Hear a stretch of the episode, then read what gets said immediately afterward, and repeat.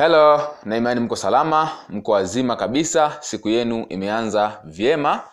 Uh, bila kupoteza muda, nataka niende moja kwa moja kwenye mada ya leo ambayo ni jinsi ya kuikabili kipingamizi ambacho kimekuwa kikiwapa wakati mgumu wa wauzaji wengi sana uh, juu ya mteja kumwambia muuzaji ngoja niongee na meneja wangu ngoja niongee na mke wangu ama ngoja niongee na business partner wangu. Kipingamizi hiki kimekuwa kikiwafanya watu wengi sana wakikosa mauzo kwa sababu tu wanakosa uh, mbinu ya jinsi ya kukikabili. Kwa mfano mteja akikwambia ngoja niongee na meneja wangu kwanza ama ngoja niongee na business partner wangu kwanza ama ngoja niongee na mke wangu kwanza kabla sijafanya maamuzi ya kununua bidhaa ama huduma endapo wewe ni muuzaji wa bidhaa ama huduma umekutana na mteja amekwambia ngoja aongee na business partner wake ama ngoja aongee na mke wake kwanza ama ngoja aongee ah, na meneja wake kwanza basi jua kabisa kuna vitu viwili ambavyo viko katikati ya hilo jibu. Kitu cha kwanza mtu huyo anahitaji bidhaa yako lakini yeye siyo mfanya maamuzi. Kitu cha kwanza. Kitu cha pili mtu huyo anahitaji bidhaa yako lakini kuna kitu bado hajakiamini. Eidha ni bidhaa yako eidha ni wewe binafsi unayeuza ama ni kampuni. Kwa hiyo anataka afanye kama mbinu ya kukwepa kununua bidhaa ama huduma yako kwa wakati huo. Kwa hiyo sasa huwezi kujua mteja anania an, an, anawaza kitu gani hivyo viwili. Kwa hiyo leo nakuletea mbinu mpya ambayo sijawahi kuisema popote jinsi ya kukabili kipingamizi hiki ambacho kimekuwa kikiwapa wakati mgumu wa uzaji wengi sana. Kuna mbinu zingine zilitowaka siku za nyuma unaweza ukatumia zile ukiona hazifanyi kazi basi tumia na hii ambayo anakupa siku, siku ya leo ambayo ni mpya kabisa ambayo inaweza kukusaidia wewe kuweza kukikabili kipingamizi hiki cha wateja. Uh, jinsi ya kuikabili kipingamizi hiki mbinu inaitwa joint appointment au joint meeting. Maana yake ni kwamba baada ya mteja kukwambia ngoja aongee na mke wake ama ngoja aongee na meneja wake ama business partner wake tumia mbinu inayoitwa joint appointment au joint meeting kuweza kukikabili kipingamizi hicho. Joint meeting au joint appointment ina maana mbili. Maana ya kwanza ni kuomba appointment ya kukutana na watu wawili ili kurahisisha kufanya maamuzi. Mwambie mteja wako nathamini sana uh, uh, nathamini sana mawazo yako juu ya kutaka kuongea na mtu fulani unayemwamini kabla ya kabla ya kununua bidhaa ama huduma yangu. Lakini vipi kama tutakutana wote kwa pamoja ili nikurahisishie ama niwarahisishie uh, hatua ya kufanya maamuzi tukiwa wote pamoja. Sasa unaweza kuomba kukutana face to face na watu wawili ukaweka appointment ukakutana na watu wawili then baada ya kukutana na watu wawili fokasi yako kubwa iwe kwa yule mtu ambaye mteja wako alimwambia ngoja aonge naye kwanza kwa sababu inaonekana yeye ndio mfanya maamuzi. Kwa sababu huyu tayari ushamwambia kuhusu bidhaa yako basi fokasi yako ya fokasi yako kubwa zaidi iwe kwa mtu wa pili ambaye umekutana naye. Kwa hiyo joint appointment au joint uh, meeting ya kwanza unaweza ukafanya ana kwa ana. Ukamwomba mteja wako aweke appointment ya kukutana wote watatu. Yaani wewe mteja wako na yule ambaye amesema ngoja aonge naye kwanza ili uweze kuongea naye kwa pamoja umwahidi kwamba itakuwa rahisi kufanya maamuzi kwa pamoja. Uh, aina ya pili ya joint meeting au joint appointment ni kwamba unamwomba mteja wako apige simu kwa huyo mtu anataka aongee naye hapo hapo ili uongee naye wewe na aongee naye yeye ili iwe rahisi yeye kufanya maamuzi kwa pamoja kwa hiyo utajua kabisa kama mteja wako alikupa kipingamizi ama kweli alikuwa anamaanisha. Kama alikupa kipingamizi kwamba hataki kununua bidhaa yako watakwambia hawezi kufanya hivyo. Hivyo jua kabisa kwamba hicho kilikuwa ni kipingamizi tu lakini sio ukweli kwamba anataka aongee na mke wake ama meneja wake ama business partner wake. Kwa hiyo hii ni njia moja rahisi sana.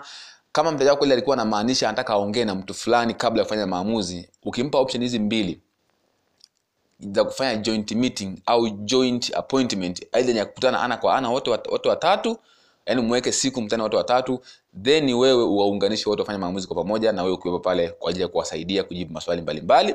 Ama umuombe mteja wako apige simu hapo hapo ili uweze kuongea naye yule ambaye anahitaji kuongea naye kwanza kabla ya kufanya maamuzi ili upresent bidhaa mahuduma yako then umpe na yeye aongee naye ili afanye maamuzi hapo hapo kabla hajaondoka sehemu yako ya biashara. Na tunavyojua kwa tunavyojua kwamba mteja alikwambia atarudi baadaye ama atafanya kitu, kitu kingine. Akishaondoka sehemu yako ya biashara kukurudi tena huwa ni ngumu sana. Kwa hiyo huwa tunajitahidi ufanye manunuzi kabla mteja wako hajaondoka haja, haja, haja sehemu ya tukio ama haja- hajamaliza mazungumzo na wewe kwa sababu kuna kitu kinaitwa enthusiasm. Enthusiasm ni shauku ya hiyo bidhaa ama huduma yako. Akiondoka shauku ya bidhaa ama huduma inaisha na anasahau kuhusu bidhaa yako na unaishia kumkosa mteja huyo. Kwa hiyo tumia mbinu hii inayoitwa joint meeting. Joint meeting uh, ziko za aina mbili kama nilivyosema. Aina ya kwanza unaomba appointment za watu kutana watu watatu uongee naye juu ya bidhaa ama huduma ama unaomba mteja wako ampigie simu yule anataka aongee naye kwanza kabla ya kufanya maamuzi hapo hapo ili uweze kuongea nao kwa pamoja. Kwa hiyo itakufanya ujue kama kipingamizi chake kilikuwa ni nini hasa.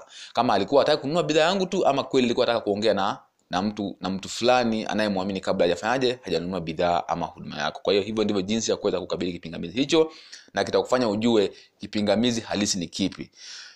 Ukweli ni kwamba kama bado hujawa na uwezo wa kukabili pingamizi vya wateja hujawa na silaha za kutosha wewe kama mtu wa mauzo au kama muuzaji wa bidhaa ama huduma au kama mjasiriamali iliyokamilika.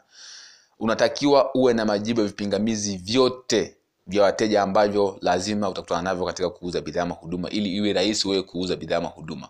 Tumia vipingamizi vya wateja kama kama fursa ya kuuza bidhaa na, na sio fursa ya kukosa kuuza bidhaa ama huduma. Wa- wauzaji wengi wamekuwa wakiogopa vipingamizi kwa sababu mbinu za kuvikabili kidogo ni tatizo. Kwa hiyo ukitumia vipingamizi hivi kama fursa ya kufanya wewe uuze bidhaa ama huduma itakuwa rahisi sana. Ukiona mteja amekupa kipingamizi jua kabisa kwamba yuko interested na bidhaa yako lakini tu kuna kitu bado hujakigusa ndio maana anapata ugumu wa kufanya maamuzi. Kipingamizi vya wateja tofauti na, na, na, na mteja akikwambia no akishakwambia no ni no. Kwamba hahitaji bidhaa maana wala hana hataki majadiliano lakini akishakupa kipingamizi chote kile jue iko interested na bidhaa ama ila tu kuna sehemu hujagusa ambayo ndio maana amekupa kipingamizi kwa hiyo ujitahidi vipingamizi hivi uvifahamu vyote. Viko vingi viko kumi na nne. Okay? Kwa hiyo pitia kimoja kimoja uweze kuvijua na jinsi ya kuvikabili na utakuwa muuzaji mzuri kwa sababu vipingamizi ndivyo vinavyotofautisha kati ya wauzaji wazuri na wauzaji ambao bado hawajamaster sanaa ya kuuza. Kila mmoja ni muuzaji lakini utofauti unakuja pale kwenye uwezo wa kuvikabili vipingamizi vya wateja. Na hapo ndivyo mauzo yanavyofanyika na wengi wanakosa mauzo hapo. Kwa hiyo jitahidi kuzijua mbinu mbalimbali za kukabili vipingamizi vya wateja kama una vitabu mbinu nyingi nimezi- nimeziandika kwenda na kadri tunazidi kwenda tunazidi kuziangalia mbinu mpya. Kwa hiyo utajaribu mbinu zote hizi hii na hii. Ukiona inayofanya kazi ndio una- una- unaendelea kuitumia moja kwa moja. Kwa sababu tunajaribu tuone ipi ambayo inafanya kazi vizuri zaidi kwa mazingira ya kitanzania. Kwa sababu kuna mbinu zingine kwa mazingira ya kitanzania bado hazipo effective lakini unapojaribu kuzitumia zinakupa jibu kama hii mbinu inafanya kazi na hii haifanyi kazi.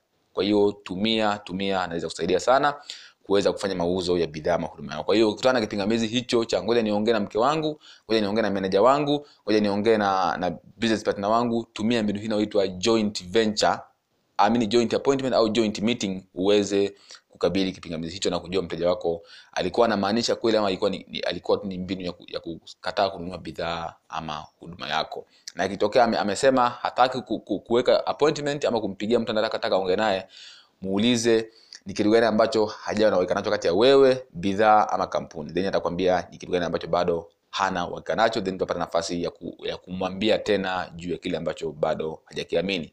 I hope it is clear. Kama kuna swali basi mtauliza. Asanteni sana